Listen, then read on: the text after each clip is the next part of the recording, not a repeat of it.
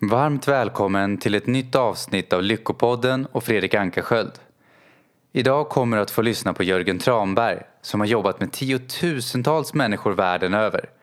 Jörgen är medgrundare av Universal Heart och driver även företaget Bröderna Tranberg tillsammans med Christer. Båda är bland de mest framstående i Sverige inom sina områden och idag kommer Jörgen berätta om kraniosakral terapi, vad det är och hur det kan hjälpa människor att må ännu bättre. Så vad väntar vi på? Låt oss sätta igång.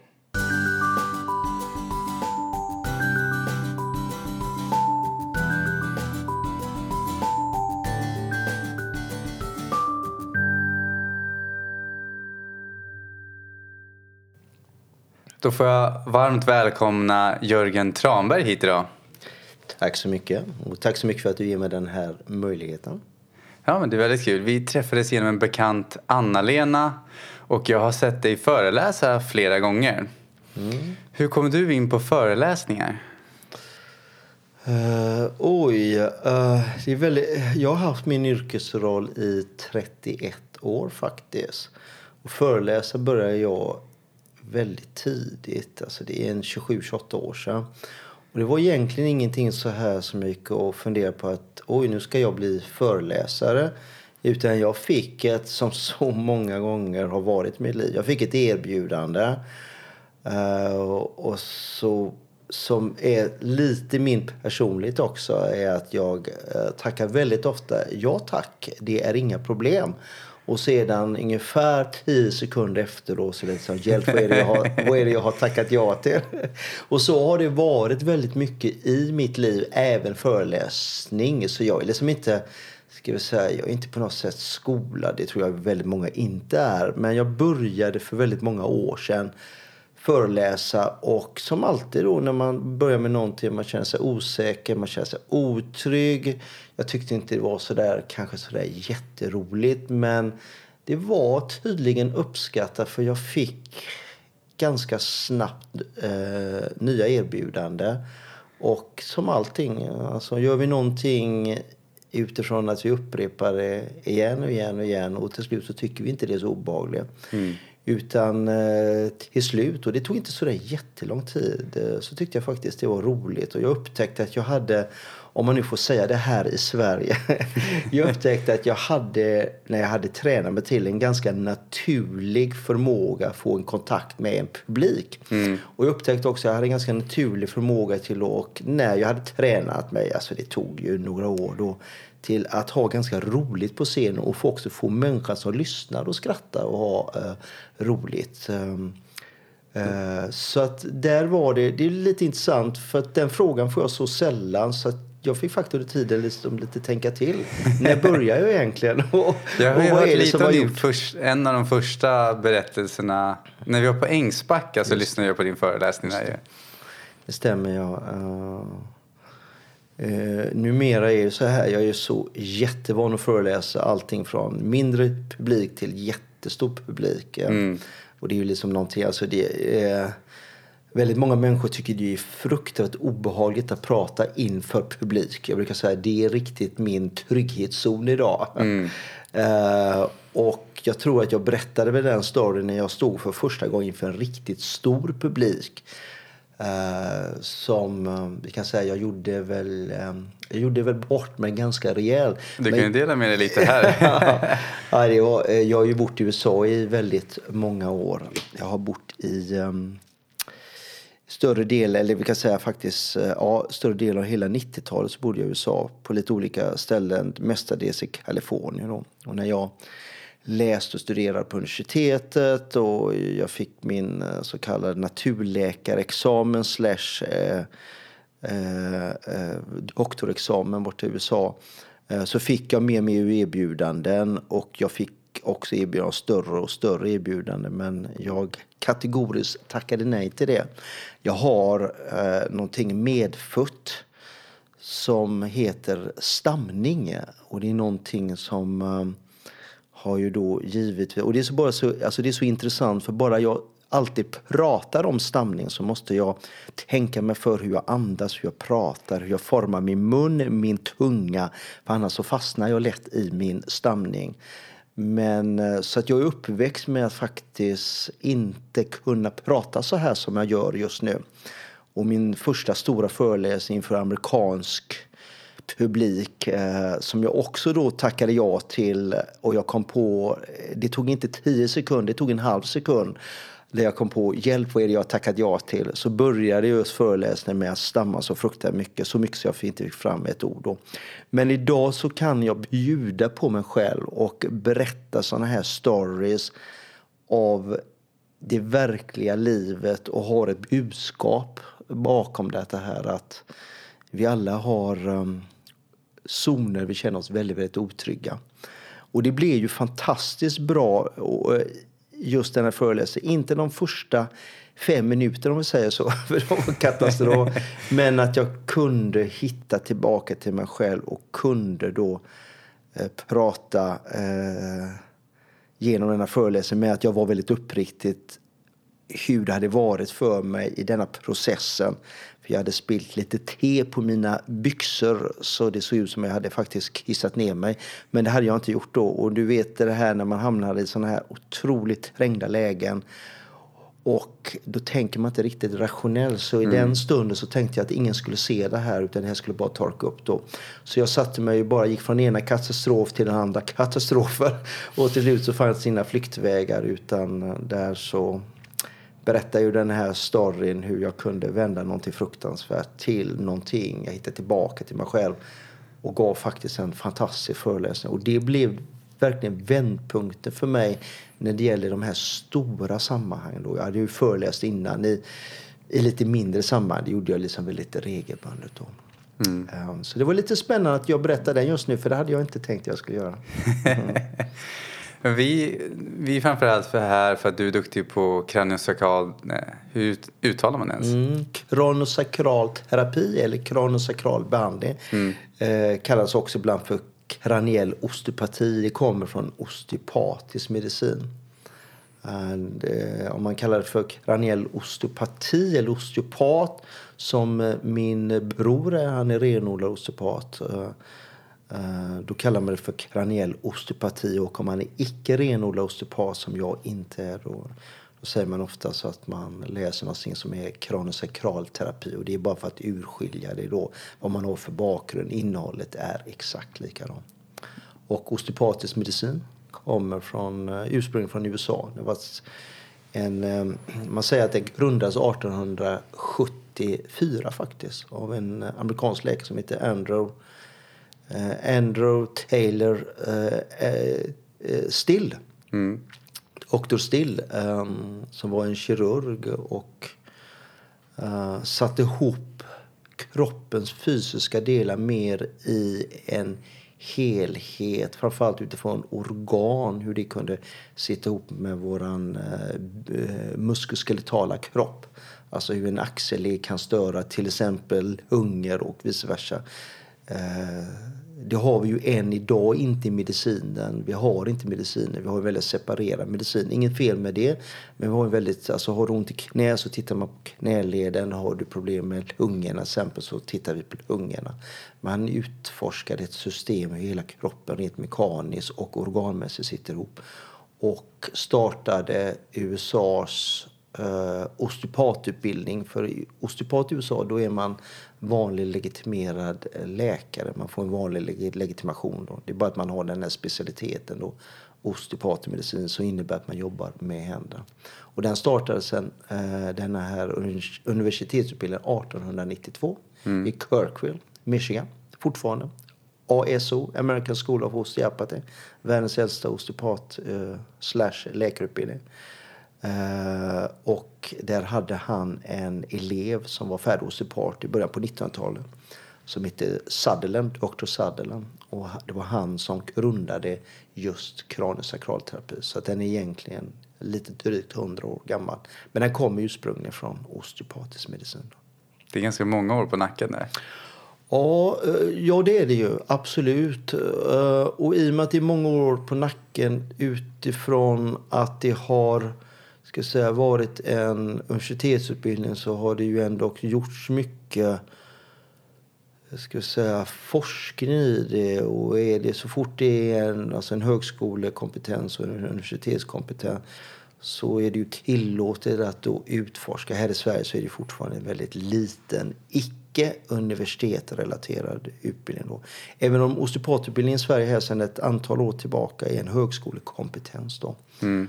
Eh, så är ju fortfarande kran sakralterapi en ganska stor del som har blivit en egen gren kan man säga idag. Men den är fortfarande väldigt liten i samma om man jämför med till exempel USA eller i England som är då ändå de länderna som har etablerat det här, om vi tittar på tidsmässigt längst då. Och det blev integrerad i osteopatutbildningen först 1939. Även om det då liksom grundade sig med 1900-1901. Det är lite olika referenser ute då. Någonstans där då, vid förra sekelskiftet. Eh, så är det ändå varit en, en gren i osteopatmedicin sedan 1939. Mm. Hur, och när vi pratar välmående och lycka och alla de här grejerna, mm. hur väver vi in det tillsammans med det? Eller egentligen välmående i alla slag. Mm. Jag pausar inte för att jag inte vet vad jag ska säga. Jag pausar utifrån, oj, var ska jag börja? eh, alltså, fortfarande så ska man ju Alltså det finns flera olika saker att säga. Alltså för första är det ju en behandlingsdisciplin eh, som eh, människor kan uppsöka för allt mellan himmel och jord. Sjukdomar, symptomtillstånd eh, som både kan ligga rent fysiskt men som man också kan ligga man säger då, rent emotionellt. Jag mår inte så bra, jag har en, en så kallad en ångestproblematik eller jag sover dåligt eller vad det än är. Men om man tittar på behandlingsmetoden som ett koncept så är det så här att den har en väldigt naturvetenskaplig grund. Och det är därifrån jag kommer och det är därför som både jag och min bror faktiskt håller på med det här. För att den har en sån naturvetenskaplig grund. Då. Alltså när det gäller då så kallad anatomi som betyder kroppens struktur och fysiologi som betyder kroppens funktion. Då. Eh, och de här integrerar ju med varandra, anatomi och eh, fysiologi. De går ju liksom inte att separera från varandra. Så har den som en, eh, ska ska säga, som en vilken universitet högskolekompetens som helst. De läser kiropraktor, naprapat, läkare, sjukgymnast eller ja, vad det nu än är så har den den verkliga naturvetenskapliga grunden som passar oss jättebra. Men den har också ett filosofiskt perspektiv som då, och då inte är naturvetenskaplig utan det är ungefär som att du tar naturvetenskapen och så bör du titta på den utifrån lite andra perspektiv. Perspektiv som, man, som jag redan nämnt, alltså kanske ett emotionellt perspektiv. Det finns ju mycket naturvetenskap från det perspektivet också. Men lite utifrån ett mentalt perspektiv. Den ligger väldigt mycket själva utbildningen i ett filosofiskt koncept som vi kallar för stillhet. Och det är ju inte riktigt naturvetenskap i just det namnet. Men du kan ta namnet stillhet och bygga broar in till eh, naturvetenskapen. Men då, då kallar vi det ju kanske för lite andra saker. Men i och med att den bygger mycket på det här inlyssnandet av en kropp så är det som terapeut så har du inga valmöjligheter. Du är lite kvot, kvot, eh, kvot och kvot. Eh, tvungen att uppsöka just denna närvaroobservation i dig själv när du ska terapeutiskt lägga händerna på en människa och förändra symptombild. För att vi jobbar med någonting som heter gensvarsspänning. Mm. Det innebär oerhört små fysiologiska rörelser. Eh, som är rent fysiska. Men det, men det är inte de ska säga, rörelsen som många gånger man, alltså människan tänker på. Vad är en rörelse? Utan det är inga rörelser som är synbara. Utan det är rörelser om en, en väldigt vältränad så kallad palpationsmöjlighet. Det betyder att lägga händerna eh, på en annan människa och lyssna på fingertopparna i händerna och känna rörelser där inne som är bara små ska vi säga, tryckförändringar. Och det är det som kallas för gensvarsspänning. Så är du tvungen att vara här och nu.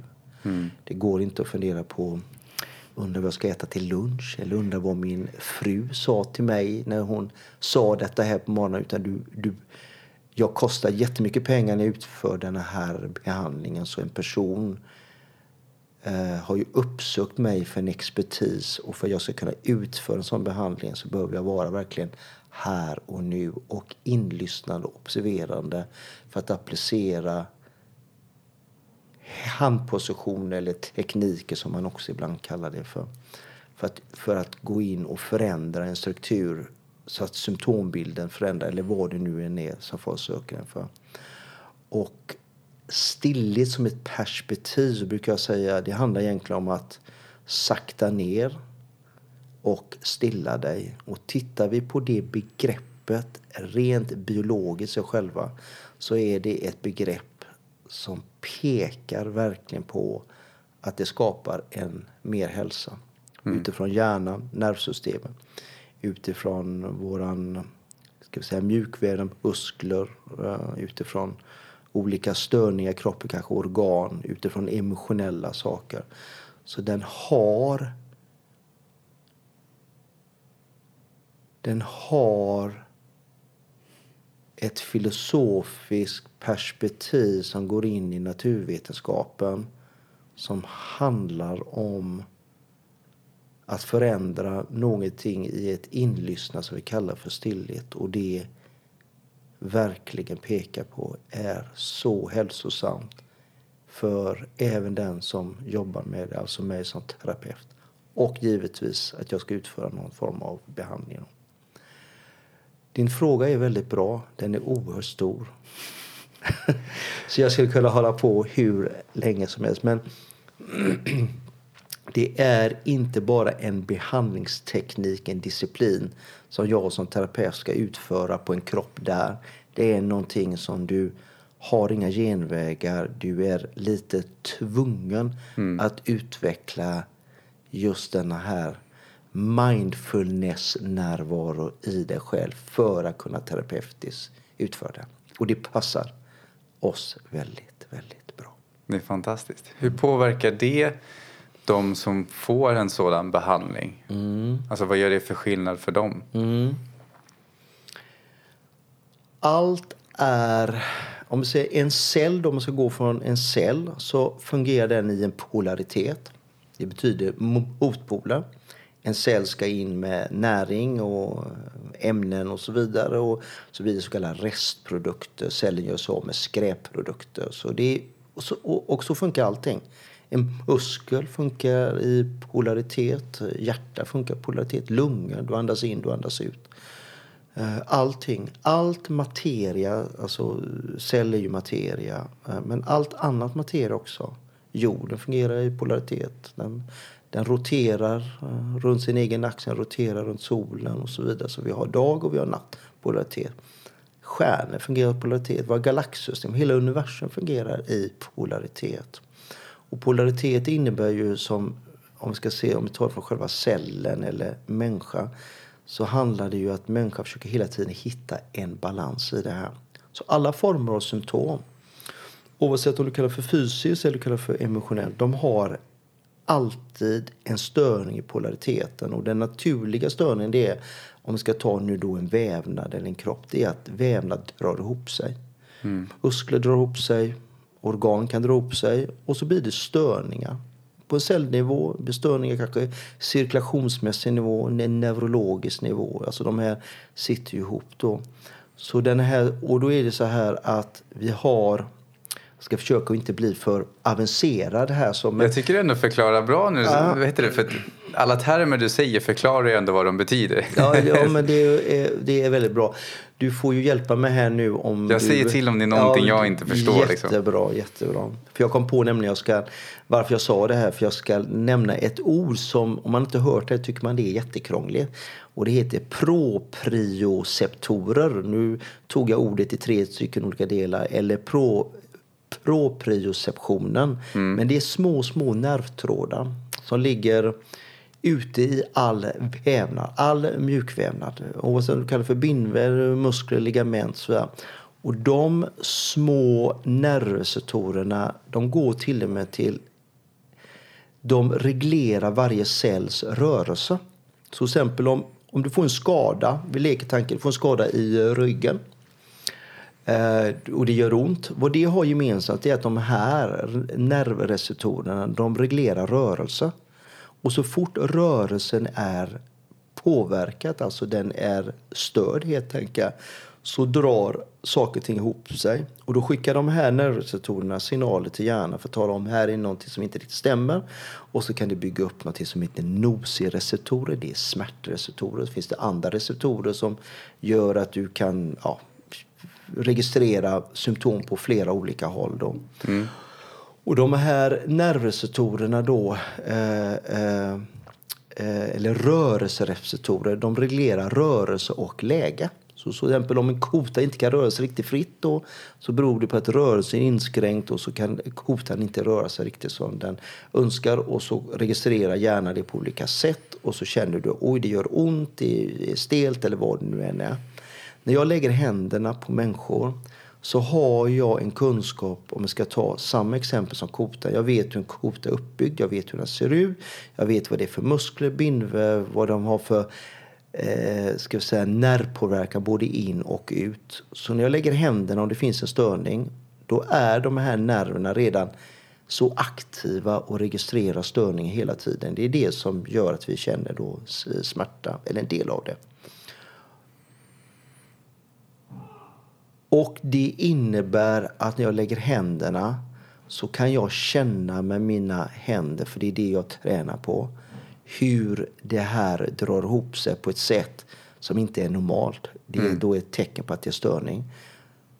Då kan jag samtidigt, för det är det som man får lära sig, gå in och möta det med olika tekniker. Jag gillar inte riktigt ordet tekniker, men jag använder det för att man ska förstå det. För det är egentligen ingen teknikbaserad behandlingsmetod. Ungefär som att har du det symptomet så gör du alltid den tekniken. Mm. Utan det är mer en, en handposition som är orienterad till vad som händer i vävnaden just i stunden.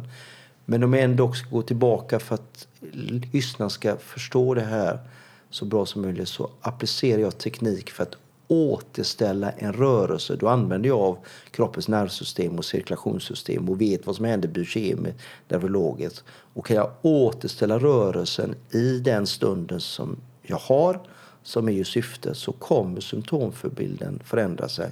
Det innebär att det rör sig mer i en balans, alltså utifrån den här polariteten. Och det innebär att de här nervreceptorerna, proprioceptorer, de kommer sedan registrera så nu rör det sig mer så som det ska.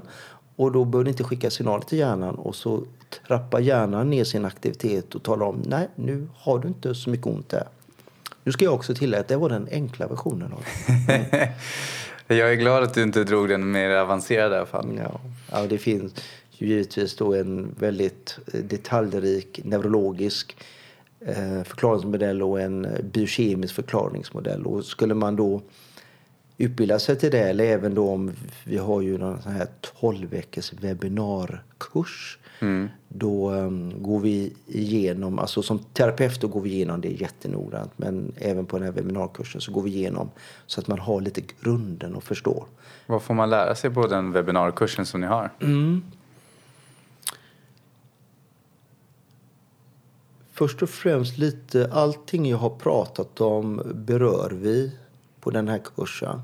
För så här är det, vem som helst kan lägga händerna på vem som helst. Och så kan man upp... Om man har den tillåtelse då? Om man har tillåtelse, ja. Absolut. Om man har tillåtelse. Sen finns ju de som lägger händerna då fast de inte har tillåtelse. Men om vi säger nu då, ja visst har den tillåtelse. Och säger vi då att man ska koncentrera på, okej okay, vad är det man känner här? Så kan ju vem som helst kanske uppleva saker. Oj, den här kroppsdelen känns varm, den känns kall oj, det, jag tycker att det rör sig där inne eller jag tycker att det rör sig ingenting eller vad det nu är för upplevelse. Och då finns det forskning, det är en av de, jag tycker de bästa forskningarna gjorts av en, av en forskare i USA som heter Oshman, O-S-H-M-A-N, James Oshman. Han är biolog. Han har gjort mycket forskning just vad det är som händer när man lägger händer på andra människor med en avsikt att lyssna på vad det är som händer i, eh, i en kropp. Eh, så vem som helst kan göra det. Men vi går ju igenom alltså 12 veckor. Vi ger också en vecka bonus. Så det blir egentligen 13 veckor men vi kallar det för 12 veckor. Och den veckan är det att gå in och försöka påverka olika delar av hjärnan. Framförallt en del som heter tallkottkörteln, så det är där bonusvecka. Då. Så vi går igenom anatomi och fysiologi, alltså struktur och funktioner. Går igenom som jag berättade om med nervstöd, gå igenom också. Vi, vi lär ju ut enkla handpositioner. Det är ju inte en terapeututbildning. Det är jätteviktigt att tala om då. Att bli terapeut då tar det några år, men det är ändå en bra orientering att förstå vad är som händer vid lägga händerna och faktiskt vi lär ut enkla handpositioner för att man ska kunna använda dem till lite nära och kära om de har lite lättare spänningshuvudvärk, lite känning i ryggen eller man är lite stressad eller ja, vad det nu än är. Uh, så jag, alltså när vi gjorde den här och vi var färdiga och jag, vi kikade på den här så är jag ofta så har den här känslan, oj vad mycket man hann med på ändå en begränsad tid. Så att, um, och sen så går vi in då också eh, en hel del på den här emotionella aspekten av det och vi går in en hel del på den mentala aspekten. Och tar det också filosofiskt. Och den filosofiska delen så tar vi det in i en, i en mer etablerad naturvetenskaplig förklaringsmodell utifrån kvantfysik då som jag är. Ganska hemma i då. Och ger förklaringsmodell också. Så att jag, nu låter det lite ego men jag, det är faktiskt en riktigt bra eh, Det får man väl säga. Ja, jo, det är absolut. Eh, För den är så mycket mer. Vi är inte, vi är inte ute efter liksom att... Alltså vi är egentligen inte ute efter enbart, det finns ju där också som en röd tråd självklart, men att lära folk att lägga händer på varandra, det är vi det också. Utan det, den här ligger på en nivå som alltid, alltid ligger. Det är bara att vi har strukturerat upp den. Den handlar egentligen om människans egna personliga utveckling. Kan man använda det här på sig själv, de teknikerna? Ja, det kan man. Eh, Den frågan kommer alltid upp i de flesta sammanhang. Ja, det kan man. Sen ska man vara uppriktig och säga så att om jag har en patient, nu har jag hållit på i så många, men om jag har en, en, en, eller en klient som vi säger i Sverige. I USA så är alltid är patients, men om jag har då klient slash patient så har jag täckt allting där. Så. Eh, och jag lägger händerna så har jag ju förhoppningsvis ett neutralt läge när jag hittar någon form av den här inlyssnande så att jag kan lyssna och känna vad som händer i en kropp. När jag gör det på mig själv då har jag ju också det inlyssnande men det är ju i mig själv. Så objektiviteten är ju alltid så intressant att, att diskutera. Eh, för jag kan ju ha ett inlyssna på en person och känna oj, här är det mycket som pågår. Och göra någon så neutral som det går, någon form av värdering som egentligen ska vara så icke-värderande. Men ändå terapeutiskt göra någon form av värdering. Och den värderingen där, att göra på sig själv. Jag brukar säga att det kan finnas en viss begränsning men ja, man kan göra det på sig själv. Men den har, som jag sagt, nu upprepar jag det här, den har en viss begränsning. Jag tänker på mig själv och att jag älskar ju att lära mig nya tekniker och nya metoder och alla de här grejerna. Men jag brukar, testa, alltså jag brukar alltid testa grejen på mig själv först tills jag märker att nu har jag fastnat och då brukar jag ofta gå på olika behandlingar ho- hos olika personer för jag vet att de sitter ju inte fast i mitt problem. Just det. Om jag försöker lösa ett problem och så kollar jag, är det klart nu, är det klart nu, är det klart nu, är det klart nu? Då är jag mer... Och i, många gånger klarar jag av att komma ur det själv men det är inte alltid vi gör det när vi sitter så inrotade i problemet. Liksom. Det kan vara bra att få hjälp av någon annan. Om syftet skulle vara det, precis som du beskrev det, ja, då anser jag att då har man förstått till en viss, eller till en ganska stor del faktiskt, och förstå vad man kan göra för sig själv. Men också kanske ha någon form av relation när det blir en begränsning. Så tittar vi på de här 12 veckorna utifrån det du beskriver där, ja, i högsta grad. I högsta grad. Och den är upplagd på det sättet. Den är upplagd för, eh, för de som har gjort det här. Det är säkert folk som lyssnar på som har gjort det här. De känner igen sig i, i mitt påstående. Ni vet om att vi börjar först med att du ska få utforska det här i dig själv. De första veckorna ligger enbart på det och ingenting annat innan vi börjar lägga händerna på andra människor. Så svar ja. Och hur påverkar det här, vilka typer av emotionella problem kan de här sakerna hjälpa? Egentligen är det så här, alltså behandlingsmetoden är så genuint utforskad och så många människor också långt innan mig. Eh, och är så etablerad, inte här i Sverige då på samma sätt, men om man ska ta som ett land som är bort i USA, då, verkligen etablera. Uh, så jag brukar säga så här, egentligen finns det inga begränsningar egentligen, utan det handlar om terapeutens nivå och kunskap om anatomi och struktur och faktiskt också individens kunskap om, um, om sig själv. Och individens också kanske känsla för egna begränsningar. Alltså, om man ska ta ett exempel här. att Om det är någon person som är väldigt, eh, mår fruktansvärt dåligt, kanske är då suicida, eh, suicidal, så blir det självmordsbenägen och gå in och alltså det finns ju vissa saker där man, där man verkligen behöver ha kompetens och förståelse för vad man sätter igång. Så då ligger ju begränsningen mer på kanske terapeuten än på själva behandlingskonceptet som eh, sådan. Eller någon kanske ligger nära en psykos som är ett väldigt allvarligt tillstånd och kan bli väldigt skadlig för sig själv och andra människor. Eh, då ligger det också där. Nu, alltså nu räknar jag upp lite extremsaker här. Så, för behandlingsmetoden egentligen har inga begränsningar utan det är vi som individer, som terapeuter som människor som har begränsningar. Och där gäller det ju som terapeut att titta på, har jag denna kompetensen? Ska jag ge mig på det eller ska jag rekommendera någon helt annan? Men, det kan vara värt att fråga också om man går till en sån som ska behandla en. Liksom. Självklart. Eh, alltså vi utbildar ju terapeuter, gjort det i väldigt många år. Jag har ju, alltså jag har ju utbildat människor i, i och har kurser i många andra områden också. Så det gäller alltså det här, om jag ska, alltså, om jag ska hålla mig lite till det som jag nämnde här, 12 veckors kursen, den är ju inte en utbildning. Mm. Den är en bra orientering, ganska fördjupad orientering i 12 veckors introduktion skulle man kunna kalla det för också. Uh, men jag då som har ju Alltså, jag har aldrig räknat, men jag har ju garanterat behandlat tiotusentals, tiotusentals, tiotusentals människor. Alltså väldigt, väldigt många människor genom åren. För det har varit min äldsta yrkesroll just att jobba som terapeut. Då. Du är väl en av de populäraste i Sverige, enligt min tolkning av det jag sett och mm. hört i alla fall. Liksom. Det är, ju, det är ju det här läget som man skulle ha lust att säga jo, jag är den mest populära och den absoluta duktigaste i det här.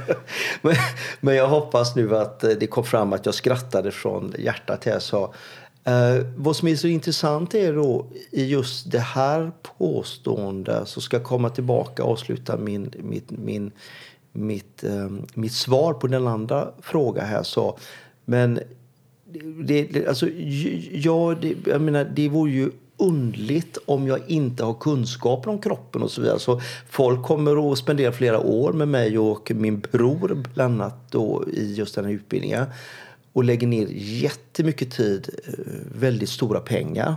Så det är klart att jag behöver ha kunskap för att kunna förmedla en sån här kunskap. Men på någon nivå så är det faktiskt så här att hur mer jag lär mig, för jag är så nördig i alla de här sakerna, hur mer byts ut med ödmjukhet, alltså äkta ödmjukhet, att vi egentligen, jag har den här känslan, vi, vi, vi skrapar bara på ytan av förståelse av oss själva och vad som finns där. Uh, så det, är lite, alltså det enda jag kommer fram till, jag är ju då betraktad lite som expert inom vissa områden. Men det enda jag känner mig egentligen expert på det är att förstå att vi inte förstår så mycket. Men det är klart att jag är bekväm i rollen av att lära ut och kunna prata om det. Annars så hade du inte bjudit in mig till det här samtalet bland annat. då, Men det, det, det, är, um, vi har väldigt mycket, men det här är en personlig åsikt. Vi har väldigt mycket samhälle, expertis som är väldigt mental, intellektuell expertis. Där man vet att så här är det och så paketerar man det som en som en universell optimal sanning och så har väldigt svårt att kunna ta in andra kunskaper och andra perspektiv.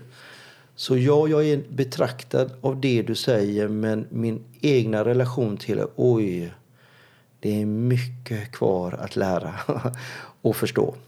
Jag har för mig det, Aristoteles som sa någon gång ju mer jag vet, ju mer vet jag att jag ingenting vet. Just det. Och det är faktiskt, jag säger exakt så och jag har lånat det citatet från honom. Ja. Jag glömmer av många gånger och eh, tyvärr eh, använder citatet men inte hänvisar till att det var inte jag. det var en annan.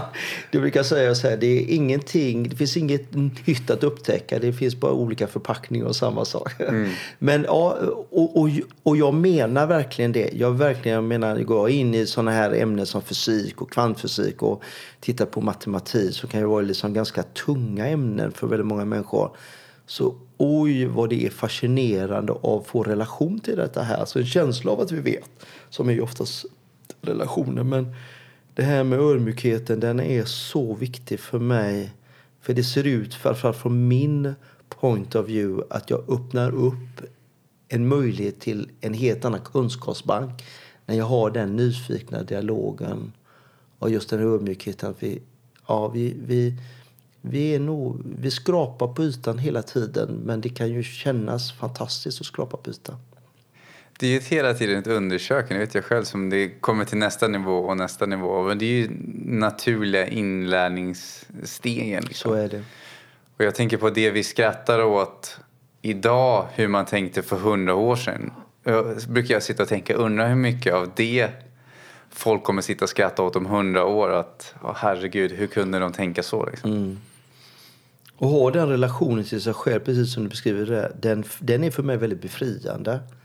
Väldigt, väldigt många människor fastnar ju i det här intellektuella, mentala och att man känner att man måste kunna allting och så vidare. Men det, det kom ut en, en referens, en forskare kommer ihåg på mitten av 90-talet, 95 vill jag minnas det var, från Stanford University. Där man hade tagit tusen olika så kallade vetenskapliga artiklar eller forskningar sedan 1900-talet och fram till någon gång 90, ja, 93, 94 kan jag tänka mig någonstans där. Och så hade man tittat på det och, och tittat på hur många av dem håller idag. Alltså hur många är fortfarande vetenskapliga sanningar eller Eh, och så vidare. Nu, nu ska man ju ärligt sagt säga, när man ger sådana här siffror så är inte det så rättvist. För vi har en helt annan forskningsmetodik idag. Vi har framförallt en helt annan teknologi som kan mäta saker och ting. Men man ska också vara ödmjuk och förstå att det vi har idag om hundra år kan vi inte föreställa oss vad vi kommer att ha. Men vad som var intressant var det att 92 procent höll inte i dagens mått. Så då heter ju då att idag förstår vi bättre, idag vet vi bättre. Men det skulle ju innebära att om hundra år här så, så det vi sitter och pratar, 92 procent av det vi påstår nu här den här stund är inte sant. Ja. Men jag är ju lite över 50 år så att det är väl tveksamt hur jag får uppleva 100 år ytterligare då. Men jag, det, jag gillar att ha de perspektiven för det, det, det ger mig en glädje att försöka hitta hela tiden den här ödmjukheten och framförallt ha den här nyfikna dialogen. Det här är en personlig åsikt men jag tycker vi har många gånger tyvärr tappat den nyfikna dialogen utan vi vill mer hävda att eh, min sanning är en lite bättre sanning än många andra sanningar. Och jag tror att vi missar väldigt mycket där. så. Eh, mm. För, för mig är det liksom att diskutera nyfikenhet med människor som kommer från en helt annan bakgrund. Det ger mig otroligt mycket men då behöver det vara en ömsesidig nyfikenhet för annars så, annars så fastnar det där i någonting som heter, ska jag säga, vad är det det heter? Jo det heter ego heter det. som ett begrepp. Men jag känner igen, för jag brukar själv tänka så att jag i en diskussion när jag inte håller med någon annan Ja, ibland hamnar jag i emotionell också, att jag reagerar på någonting. Men jag försöker komma på mig själv så fort som möjligt att hmm, varför reagerade på det här? Vad ligger bakom? Och försöka undersöka med nyfikenhet, hur tänker den andra personen? Mm. Tänk om de har rätt. Mm. Men då kan det ju vara om det är bara en person i en relation som gör det, då blir det lätt obalans. Mm. Ja, det behövs. Nu kommer tillbaka det. All materia i vårt observerande universum fungerar utifrån polaritet. Mm. Det innebär precis det du beskrev här också. Det behövs ju vara en balans i den polariteten. För är det inte det, då blir det ju en diskussion som i mitt sätt att titta på, den leder ingenstans. Men jag har ett litet mantra för mig själv som är lite samma som jag brukar säga sju ord. Och det är som jag alltid, när det är människor som jag känner jag blir väldigt igångtriggad verkligen igångtriggad. Jag tycker att det är så långt ifrån mitt sätt att titta på det och liksom som du säger att vi blir väldigt emotionella för det kan vi inte komma ifrån. Det, det, det, det spelar ingen roll hur många personliga utvecklingskurser vi går. Våra emotioner de är ju så roliga. Vi ska ju försöka styra dem. Jag brukar säga lycka till. Mm. Eh, för de är så liksom kraftfulla och de är så konstant med oss hela tiden. Men det här lilla mantra, sju ord, det, eh, det ligger någonting i det du säger.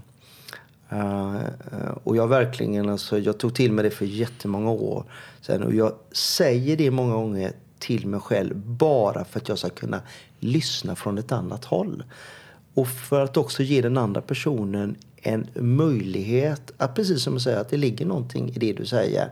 Inte för att vi kanske på något sätt, för det handlar ju också om att ha integritet för det man står upp för. Men att ändå ha den öppenheten. Och jag har lärt mig så mycket av människor som kanske kommer från ett helt annat perspektiv. Men det behöver vara det precis det du säger.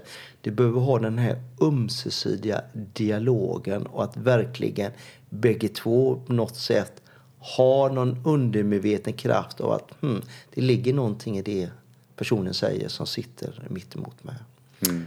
Och det går bra att säga när vi sitter så här och vi har en ganska trygg tillvaro sätter med en människa som vill tala om att du har fel och kommer helt annat. Alltså vi är ju bara människor men um, jag gillar ditt påstående. Ja, men det är precis det är därför jag menar på att jag reagerar ju också ibland om jag har en person som sitter och triggar en. Liksom.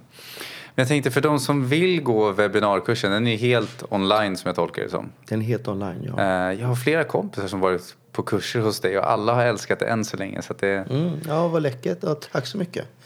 Och jag tänkte, vi hade en kampanjkod för dem om de vill gå via mm. Lyckopodden. Ja, just det. Uh, kampanjkoden är så finurligt, så avancerat. Det heter ju kranosakral. Mm. Och då har man en förkortning på kranosakral som vi använder. Vi kallar det för KS-behandling, alltså Kalle och Sixten KS. Så uh, rabattkoden är uh, KS. Eh, så man kan gå in då och eh, trycka in. Det står då en liten rabattkod här. Så får man 900 kronor rabatt. Och vi har sagt att man från det man lyssnar nu här eh, så får man det här i tre dagar. Möjlighet att få de här 900 kronorna i rabatt. Mm, perfekt. Men jag får tacka så mycket för att du var här idag. Det var väldigt givande samtal. Jag ser fram emot att träffas många fler gånger. Och få tacka även de som lyssnade för att ja, du var här och tog del av det hela. Tack snälla. Eh, och eh, tack till dig för att du gav mig möjligheten. Tack för er som eh, lyssnar och bjuder in mig Bjud in mig vid ett annat tillfälle så ska vi ta lite lätta ämnen som matematik, kvantfysik och parallelluniversum från ett naturvetenskapligt perspektiv. Vi tar det en annan gång. det gör vi. Okej, okay, ha det så gott. Ha det gott. Hej hej. Hej.